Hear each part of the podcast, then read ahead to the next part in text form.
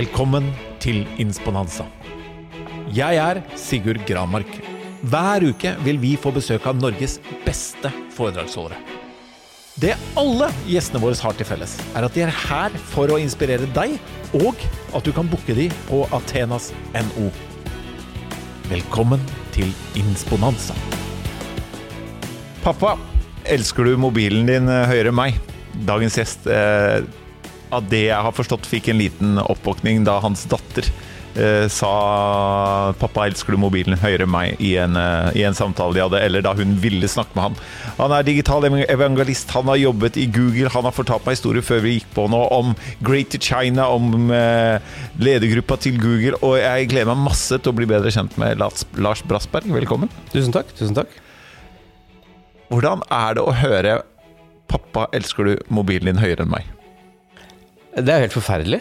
Eh, heldigvis så fungerer hjernen så raskt at du klarer å svare rett på det spørsmålet. ja, for der er det bare ett svar. For det er bare ett svar. Eh, samtidig som eh, hjernen ga seg uke på det og tenkte nå har du rett og slett bare gått for langt.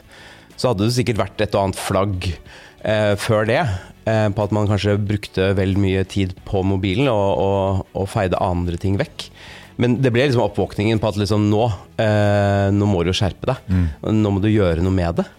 Um, så viser det at det var ikke så lett heller, da. Nei, men eh, du gjorde det, da. Jeg gjorde det. Eh, det tok jo et halvt år med, med, med feiling, for det meste. Mye prøving, mm. mest feiling. Eh, lurte meg selv.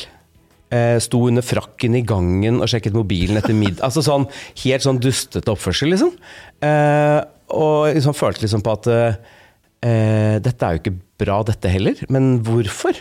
Altså, hva gjør det at en voksen mann står under frakken eh, for å måtte sjekke Twitter, liksom?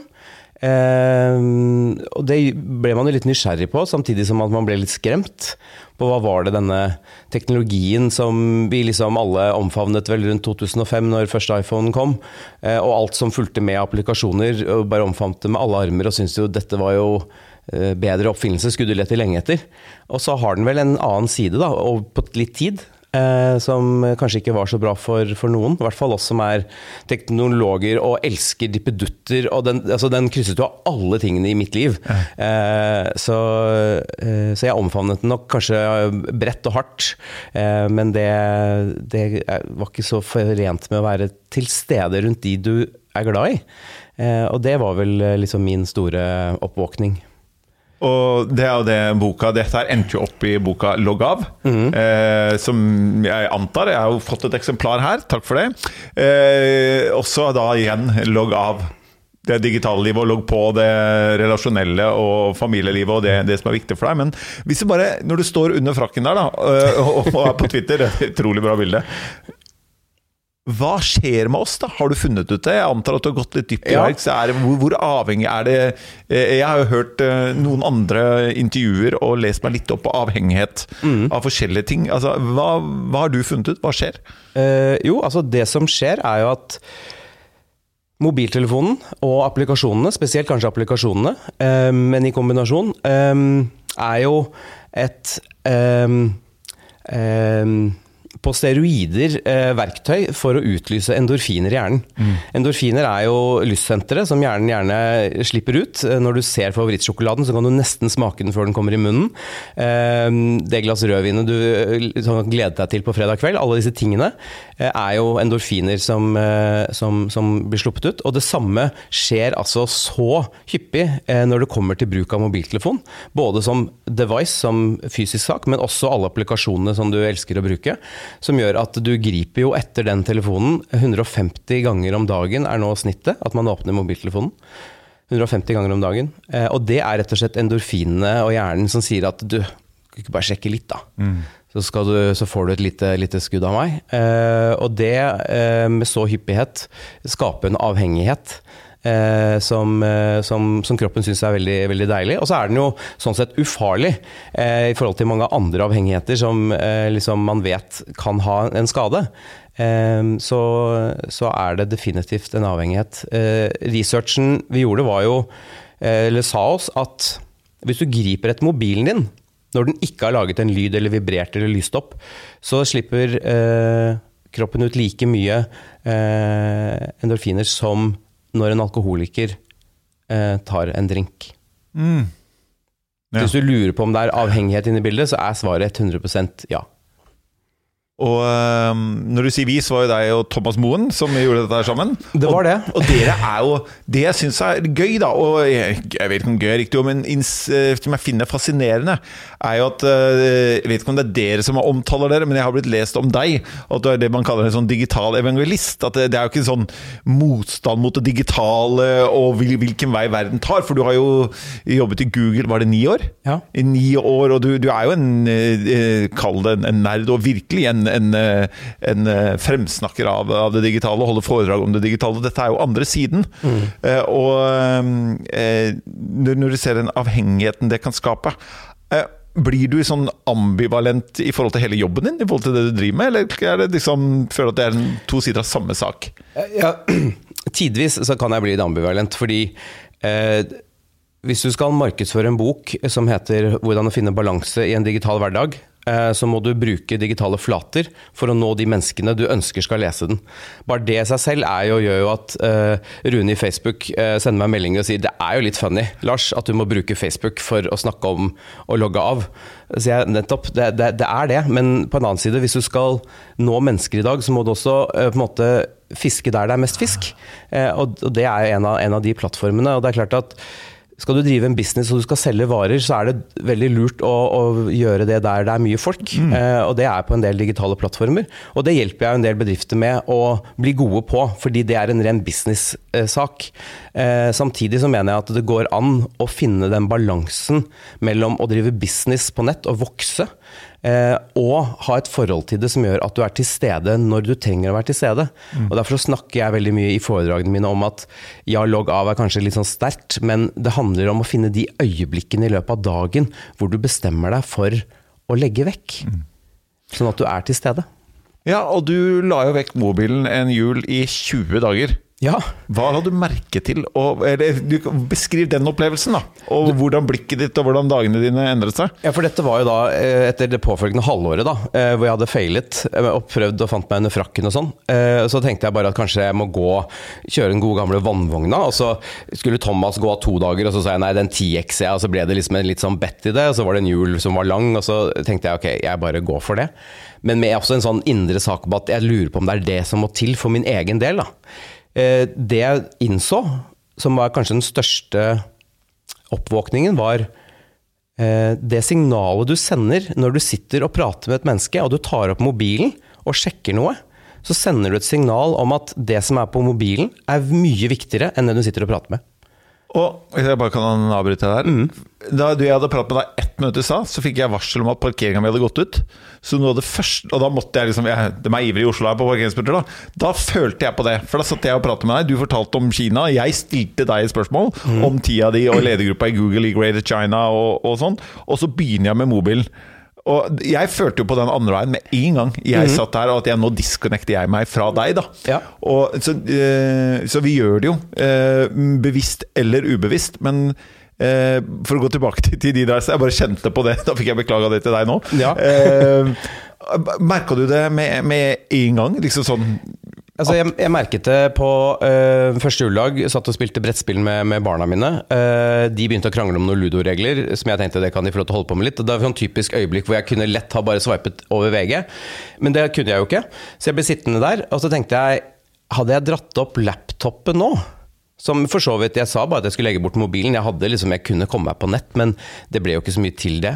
Så hadde det blitt veldig sånn intrusiv. Og når du tar opp en laptop på ludobrettet, da er du ganske sånn betydelig på at liksom, nå gjør pappa noe annet. eh, og da tenkte jeg at det er akkurat det samme den mobilen egentlig sender. Den er bare litt enklere å skjule, for den er litt mindre. Eh, og da ble det så tydelig for meg hva slags signaler som gjorde at Frida hadde fått over så lang tid, som gjorde at hun til slutt bare Du, pappa, elsker du mobilen din høyere enn meg? For du, du smeller den jo opp foran meg hele tiden og sier 'vent litt', eller ikke svarer, eller bare forsvinner nedi den.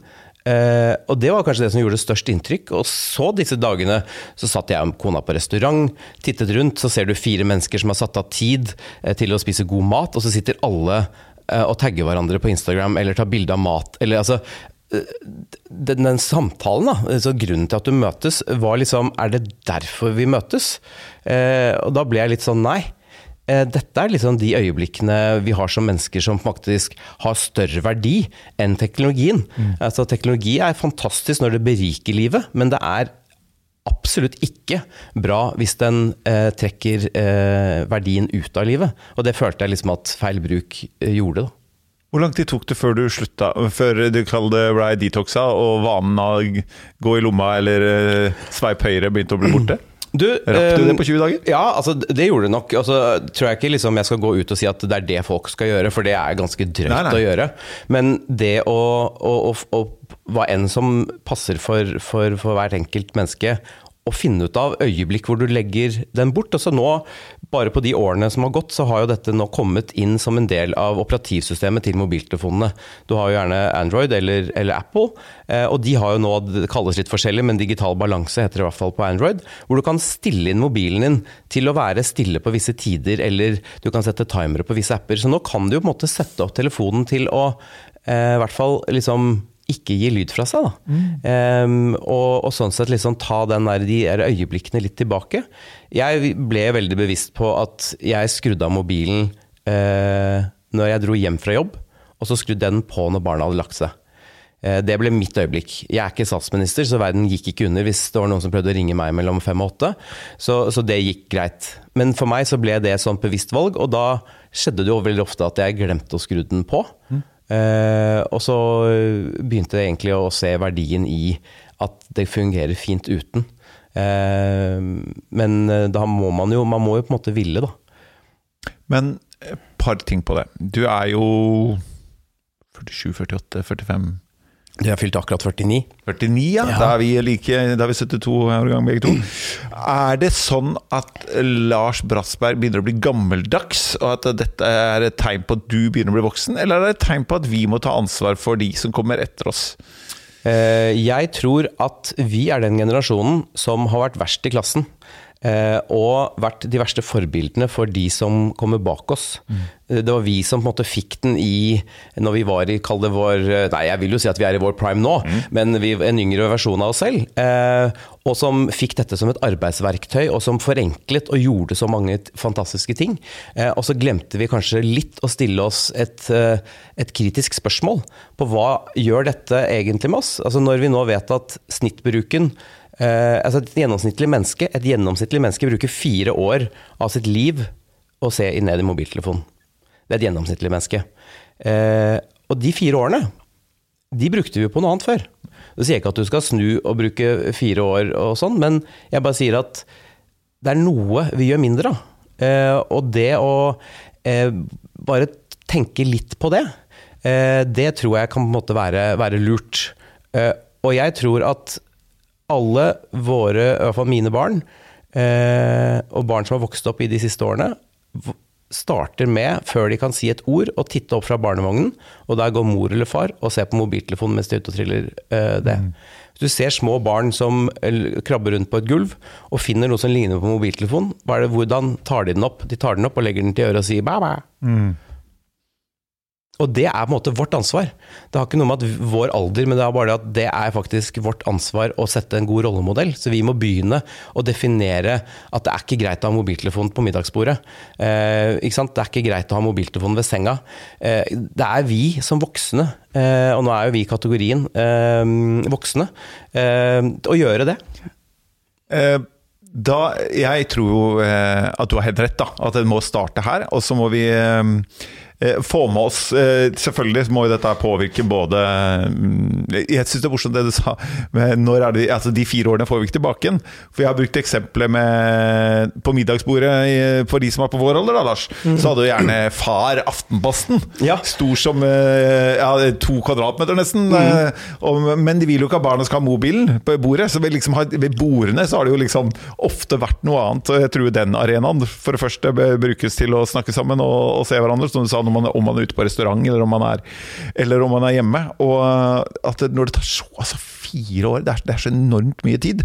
Og jeg har um, brukt dette her når jeg jobber med grupper. Eh, og så sitter jeg liksom Hva er den, eh, det fremste hinderet for f.eks. mer kundetid? da Være ute. Ja. Eh, bruke tid ute hos kunder. FaceTime, som jeg kaller det. ikke sant? Og ikke da FaceTime på mobilen, men det å være ute. Og da sier folk ja, nei, det er ofte tid, da. De har ikke tid for de blir fanget. Og så sier jeg gå på skjermtiden din. Og så blir de yngre, viser de, de litt eldre hvordan de går inn på skjermtid.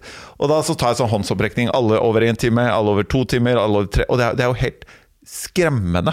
De, eh, ja, når du tar og bryter ned de fire timene, nei, fire årene i en uke, eller hva du får siste syv dager på mobilen. Og da ser folk eh, Gjerne da så er første reaksjon Ja, men vi jobber jo en del. Så sier jeg men gå inn og se på hvor mye som er på sosiale medier. Og de fleste i næringslivet kan ikke si at de jobber der. Det er det er jo store problemet, at de bruker det til unyttige ting. Og da ser man jo jo vi har tid.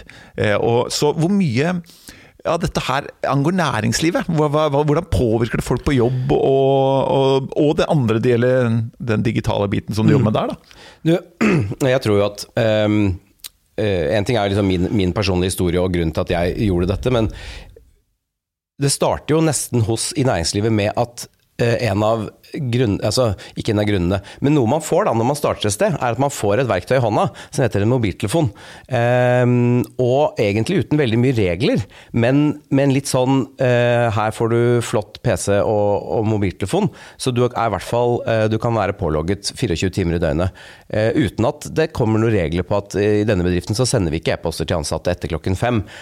Og så har du de yngre som får e-post fra sjefen sin sent på kvelden, som føler at de må svare, og så har du egentlig hele den derre eh, litt negative spiralen med arbeidskultur, eh, som jeg mener på en måte ikke er bra, som også er en sånn følge inn i næringslivet på dette med, med, med teknologien, da, brukt på feil måte. For det er ikke noe særlig tvil om at vi har verdens beste arbeidsverktøy. Vi kan jobbe fra hvor som helst og nesten gjøre hva som helst via den mobiltelefonen. Det er fantastisk. Men Næringslivet har på en måte glemt å sette opp noen egne retningslinjer. Eh, bare fordi du får en, en, en dings til 10 000 kroner, så skal du eh, derimot eh, Da står det i arbeidsbeskrivelsen at deler av jobben din er å sjekke den mobiltelefonen 24 timer. Det står ikke noe sted, men det er det som er resultatet. Og det tenker jeg liksom at vi som foreldre og voksne bør gå frem som et godt, eh, gode foregangsfigurer. Samtidig som at jeg syns næringslivet bør på en måte sette seg ned og se litt på hva slags kultur ønsker vi. Og nå har vi hatt eh, 18 måneder på hjemmekontor, eh, hvor folk har vært mer eller mindre på, og det har vært back-to-back-møter, og det har vært en liksom, annen måte å jobbe på. Mennesker er fantastiske, vi tilpasser oss. Vi løste det. Eh, samtidig så tror jeg at når folk kommer tilbake på kontoret nå, så er det en mulighet da, for å på en måte ta et sånt lite steg tilbake og si hvordan skal vi nå bruke de plattformene som er, på riktig måte. Og så skal vi også sørge for at vi tar vare på mennesket eh, og den balansen som er mellom jobb og privatliv. Fordi det er klart at noen har følt ganske mye på at det siste året har vært litt skeivt i, i, i fordelingen, og kanskje både ensomt og trangt, og det har vært masse ting som gjør at det er mye snakk om mental helse. Jeg tror at eh, bedrifter har en unik mulighet nå til å på en måte eh, få litt inspirasjon på det å på en måte finne en balanse, både for sine ansatte, men også som, som medmennesker.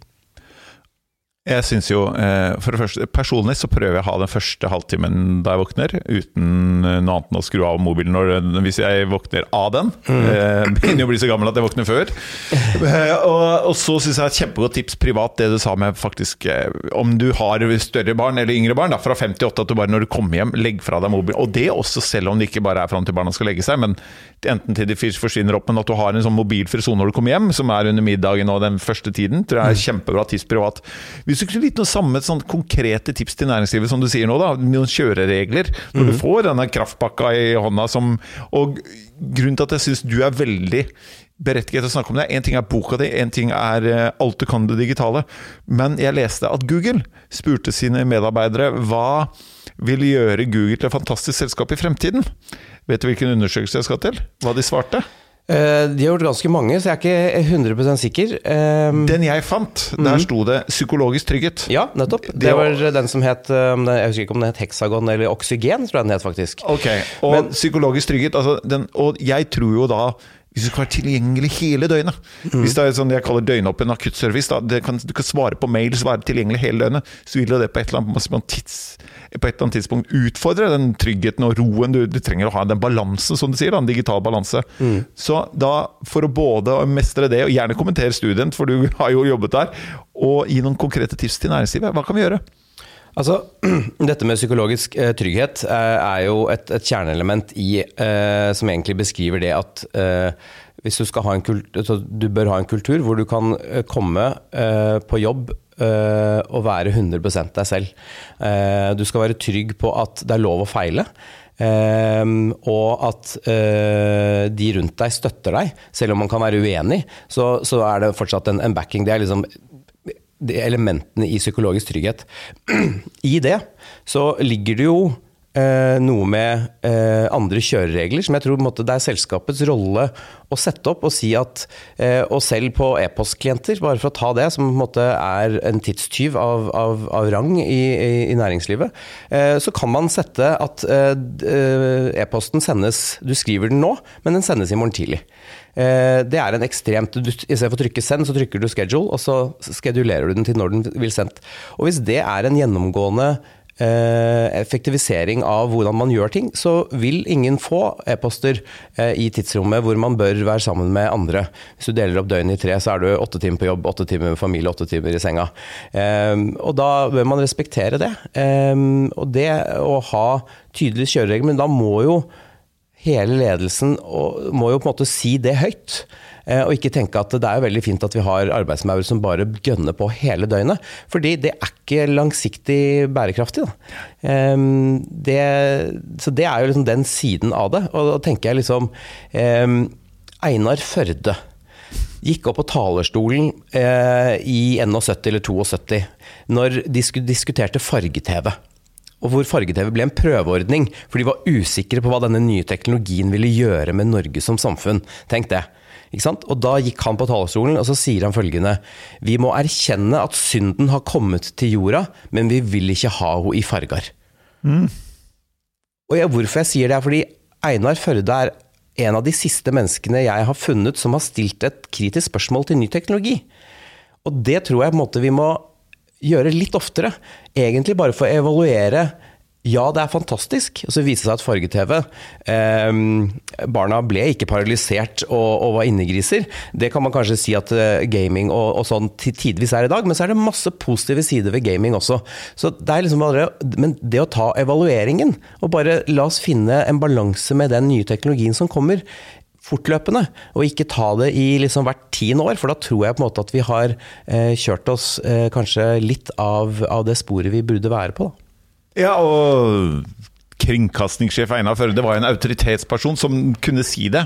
Fordi eh, du må jo komme, hvis du ikke er digital evangelist eller har en posisjon som medarbeider i næringslivet Enhver medarbeider som stiller noe, noe som er i nærheten av kritisk tenkning til digitalisering, blir jo fort plassert i en bås, da. Ja, og det krever kanskje liksom, uh, litt mot, men i Google, da, som definitivt er en 100% digital bedrift. Altså, vi levde, har jo levd på videokonferanser i ti år, før pandemien. Altså, det var vår hverdag. Fordi det var et fantastisk verktøy for å koble Hvis du hadde team som satt uh, geografisk spredt, så var det den beste måten å gjøre det på.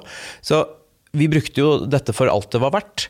Samtidig uh, så var jo også Google et sted som oppfordret til å gjøre ting annerledes. Jeg kjørte jo tech-frie møter i Google. Jeg sa at eh, dere får ikke lov til å ha med laptop eller mobiltelefon inn, fordi vi skal møtes en halvtime, vi skal gå gjennom uka, sette en agenda, fordele eierskap og roller for det vi skal få gjort. Da trenger vi ikke teknologi. Og jeg vil at dere skal være til stede, fordi alle vet at møter med mye laptoper oppe, så forsvinner den ene eller den andre. Så får du en sånn effekt over at egentlig ingen følger med på det som blir sagt. Og hvorfor i huleste sitter man i samme rom da? Mm. Og hvis det var folk som var så busy at de ikke kunne, så sa jeg da kan du, da kan du gå. Eh, jeg kan brife deg seinere, det går Bra. fint. Eh, og jeg tror liksom at man må gjøre de tingene. Um, og kanskje liksom gjøre det til et spill. Vi gjorde det med eksterne kunder. Vi hadde telefoncurling.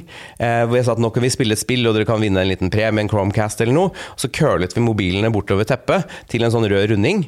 Og så var det en som vant. Og så samlet jeg alle mobiltelefonene, puttet i en kurv, og så sa jeg nå kan vi starte møtet. Kult. Uh, og, og det gjorde jeg med, med konsernledelsen i Orkla. Uh, og de fikk jo helt uh, Du så det begynte å krible i henda. Men to av de glemte mobiltelefonene vi gikk ut av møtet. Så det er liksom bare snakk om å gjøre de tingene som bare Kanskje bare legge det litt bare for gøy, men allikevel poengtere at når vi har satt av tid til å snakke om noe, så la oss snakke om det. Og ikke eh, bruke tiden på, på, alt mulig annet. Eh, og det er liksom den der essensen i det jeg har oppdaget. Da. At det å ta opp mobiltelefonen sender et signal på at det er noe på den skjermen som er viktigere enn det som skjer i rommet. Mm. Eh, og det gjelder jo eh, i næringslivet, det gjelder foran barna dine. Eh, at det er et begrep som heter eh, skjermsjalusi, er jo i et forhold noe med at hvorfor er det mer interessant på skjermen enn han du er gift med, eller hun du er gift med. Altså, det, det, måte, det, det, forgrener seg egentlig i alle aspekter av livet. Uh, og jeg tror folk flest kjenner seg litt igjen, og jeg tror folk flest kan ha godt av å finne sine øyeblikk hvor de eh, kobler seg litt av. Ja, og jeg, jeg, jeg sletter jo Sommeren for to år siden så sletta jeg TikTok. Mm. Fader, jeg blei jo sittende så lenge på toalettet at bena sovna, liksom. Måtte slå i gang bena for å begynne å gå etterpå. Mm. Så jeg sletta TikTok, og så har jeg sletta alle notifications. Eller fjernet alle notifications. Eneste jeg har er ja, Hvis den står på vanlig, så det ringer. Eh, er det for drassig? Hva anbefaler du folk å gjøre? Hva er liksom, hva er sunn, og, og, er det noe som heter en, et sunt forhold til antall timer, eller er det for individuelt i forhold til hva man jobber med og bruker tiden til? Jeg tror det er for individuelt. Eh, jeg tror det er lurt, som du sier, å gå inn og se hvor mange minutter bruker du på hva på mobilen. For du får sikkert noen aha-opplevelser på at eh, noen er nyhetsjunkies og har egentlig lest alle nettavisene som skriver mye av det samme, så kanskje man kan kutte litt ned og sånn. Eller Facebook eller TikTok, som du sier. Eh, så, det tror jeg er individuelt. Jeg ville ikke satt noen sånn ramme på tid. Men det Jeg bruker jo nesten en time på å sette opp en ny mobiltelefon. Fordi når en mobiltelefon kommer ut av esken, så er den jo satt opp fra fabrikanten på å vise alt den kan. Mm. Så den vibrerer og lyser og piper og plinger og pusher meldinger og ting hele tiden. Så det er jo et juletre. Eh, eh fandens juletre. Så det må man jo bare liksom eh, skru av. Uh, og i tillegg til alle applikasjonene du bruker, som også er ganske gode på å si fra at du, det er noe nytt, uh, for å på en måte trigge endorfinene i deg, uh, det må man også gå inn. Og det tar litt tid, men det er jo vel verdt investeringen i at du tar kontroll over teknologien, og ikke la teknologi, teknologien ta kontroll over deg. Mm. Og det er ofte det som skjer, og jeg tror folks teknisk innsikt bremser de litt, fordi de, de, har ikke Nei, jeg skjønner ikke, og sånn, så lar de det bare skure og gå. Og da blir det da blir det at teknologien tar overhånd. Og det eh, er jo liksom det vi må ta tilbake. Da. At det er du som skal kontrollere. Min telefon sier ingenting. den. Nei. Um, det er ikke en lyd, og det er ikke noe på skjermen. Hvis jeg skrur på og skal sjekke klokka, så er det bare klokka. Det står ikke at det er en melding. Jeg må fysisk gå inn og se, og det er det jeg som bestemmer. Jeg åpner den telefonen nok uh, allikevel, så det er ikke det jeg går glipp av noe. Men det er ikke sånn at den tar meg ut av det jeg driver med. Fordi vi er jo nysgjerrige som folk. Så piper det. Så går det ikke mange sekunder før du tenker sånn ah, Det kan være viktig, da. Ikke sant? Altså, det, sånn er vi. Vi klarer ikke. Eh, men hvis den ikke sier noe, så tenker du ikke noe på det. Nei, kan, den, det var den jeg eh, gikk i fella på. Den unnskyldningen at det kan være viktig, den passer til jeg kunne si hele tiden. Mm -hmm. Derfor så fjerner jeg notification. Og jeg lever med at en eh, kompis eller noen andre syns at jeg er litt for sjelden på Snapchat eller Messenger og svarer, liksom. Fordi jeg vet at hvis det var noe annet enn å oppdatere meg på noe helt uvesentlig, så kan du bare ringe. Mm. Så det er jeg helt enig i. Kort. Når du har bodd fire år i Hongkong og, ja. og reist eh, rundt omkring i Asia, er vi ganske like? Eh, eller, for vi har gjerne Vi skal ikke sette oss i en bås, men jeg tror nordmenn har sett på asiatere som teknologisk lenger fremme enn oss selv. Men mm. er sånn mobilbruk og avhengighetsmessig, hvordan ligger vi an? Du, um, jeg tror det som skiller Norge fra veldig mange andre land, er at vi er et land som har eh, i gjennomsnittlig ganske god råd. Så vi har stort sett en, toppmodellen. Eh, hvis du ser på hvordan mobiler selges i Norge, så har vi veldig ofte den siste. Eh, som gjør at vi har sånn sett, tilgang på det nyeste. Uh, som gjør oss i en klasse for seg selv. I Asia så bruker de mobilen eh, ekstremt mye mer enn det vi gjør. Okay. Eh, der går jo folk på hverandre eh, og krasjer og, og, og sånn pga. at de har nesa nedi det. Der er det jo en helt annen eh, spillkultur. Eh, gjennomsnittlig bruk, altså kjøp i spillapper i Hongkong, var på 18 000 kroner i måneden per capita. 18 000? I sånn in-app purchase, Ja. uh, virtuell brokkoli eller uh, hva enn du kan kjøpe. Uh, og Det var et tall som blåste meg av banen. Uh, uten at jeg har sett tall i Norge, så tror jeg ikke det er så høyt. Sånn at de har en, Der nede er det en gamification av ting som er eh, på et helt annet nivå enn det jeg opplever her i Norge. I hvert fall at uh, der spiller hele befolkningen spill. Her er det kanskje en del av det, men der nede så er det jo alt til gamle bestemor som spiller Candy Crush og, uh, og Pokémon og ikke sant? alt som skal til. Så, så det var nok kanskje den store forskjellen, at de spill, er veldig glad i å spille spill. Um, og sånn sett bruker mobiltelefonen mye til det. da. Annen ting om Asia jeg lurer på, eh, rett og slett av interesse. Jeg har jo sett eh, Morten, blant annet, produsenten her, han har jo kjøpt noen telefoner som er superbillige, som jeg aldri har hørt om. Eh, og så har jeg hørt søkemotormessig.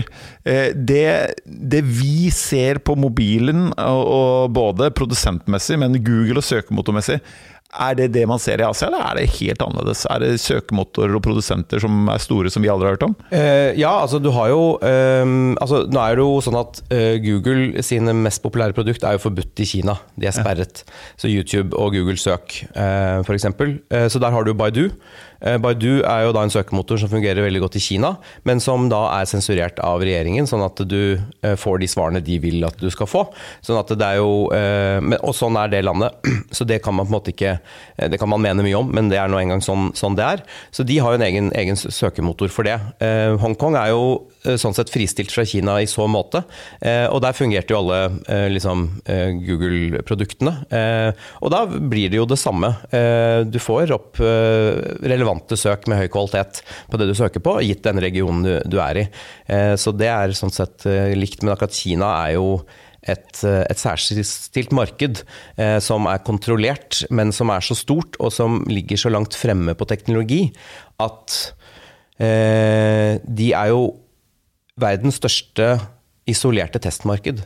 Eh, når eh, Tencent gikk til regjeringen og sa at de trodde de hadde eh, verdens beste teknologi på ansiktsgjenkjenning, men den måtte trenes, for det var en AI-komponent. Så den måtte trenes på folk. Så sier regjeringen men da setter vi den bare opp på alle togstasjoner og flyplasser i Kina.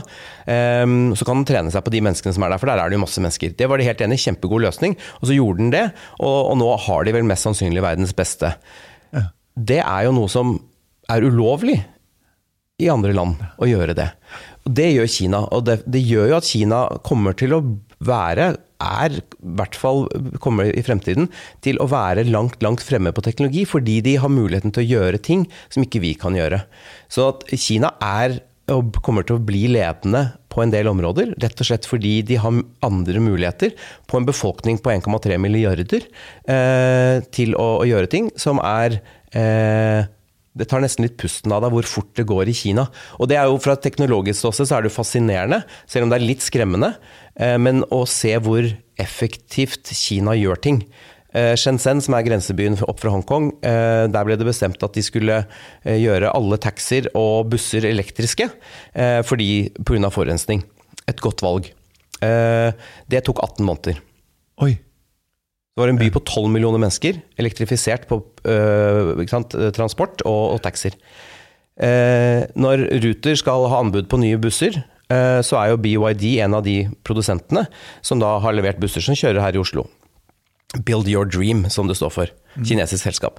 Hvis da Ruter, da, som er ansvarlig offentlig anbudsforvalter, spør eh, og hvordan er liksom, kapasiteten deres for å levere busser, vi er jo en ganske stor by, vi skal jo ha i hvert fall en 200-400 busser levert ganske raskt, så sier de at vi leverte busser til en by på 12 millioner mennesker på under 18 måneder, så jeg tror det skal gå fint med, med Oslo. Eh, og der har du på en måte Kinas konkurransekraft sånn, i et sånn praktisk eksempel, som gjør at liksom, vi kan mene mye om Kina, men vi kan på en måte ikke utelukke de fra, fra noe som helst, for de bare har en evne til å bli gode på mye.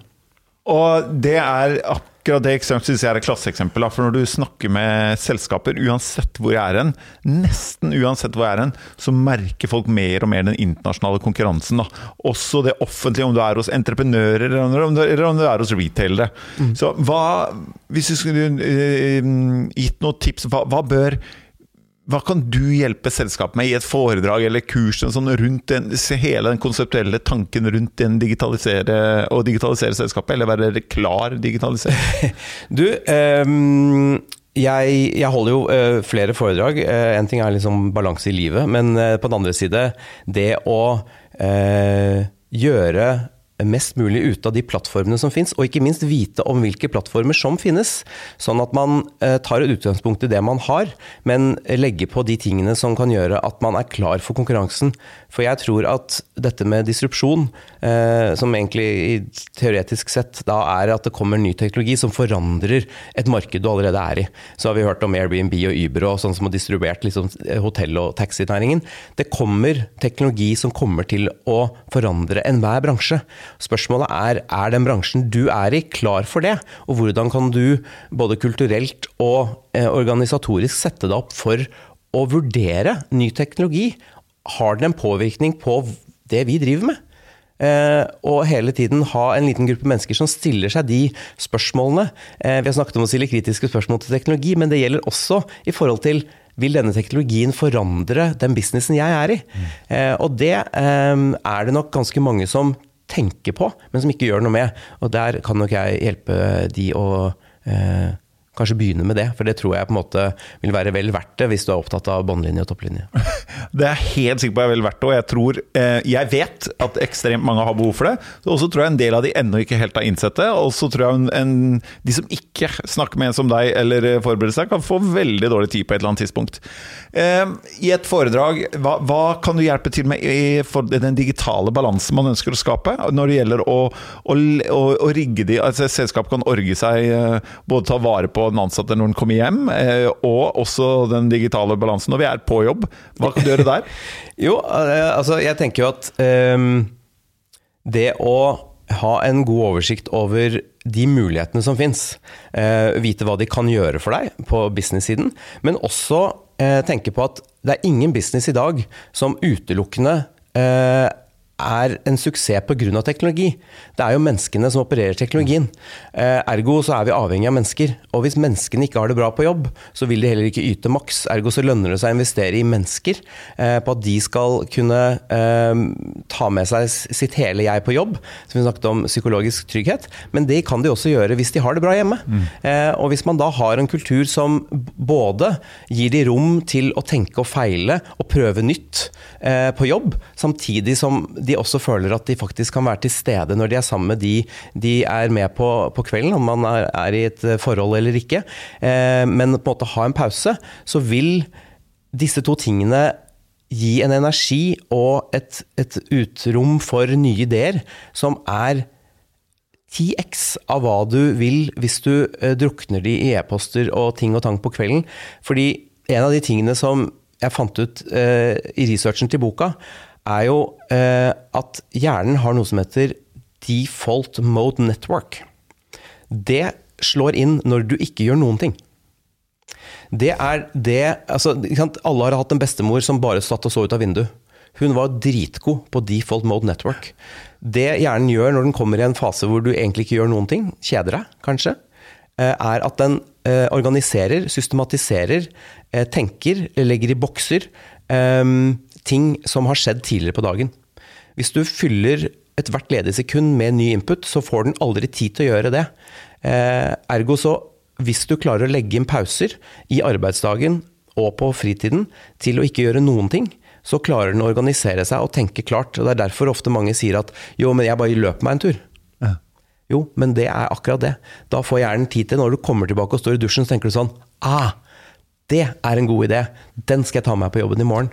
Eh, men bare kort tid på deg. Tro av det du har lest. Hvis du løper med noe på ørene, er, er, er du avhengig av å løpe jeg tror at, at gå tur med bikkja, ikke legge igjen mobilen hjemme, eh, ikke løp med noe på øra, eh, er en god, god, ting. Derfor så skrur jeg av telefonen fortsatt en dag i dag når jeg reiser hjem. Og så sitter jeg og ser ut av vinduet på bussen, eller om jeg sykler. Fordi at jeg vet at dette er bra for meg, for nå får hjernen tid til å bare oppsummere og, og, kategorisere og strukturere dagens informasjon. Og så kommer jeg hjem, og så har den gjort det, og så kan jeg på en måte merke at jeg har lagt jobben litt bak meg, og så kan jeg være til stede. Så det, for meg har det blitt en helt bevisst handling, fordi jeg bare vet at det er sånn hjernen fungerer best. Eh, og i boka så skriver jeg litt om at eh, vi har sluttet å kjede oss. Og jeg tror kjedsomhet er på en måte roten til eh, veldig mye godt.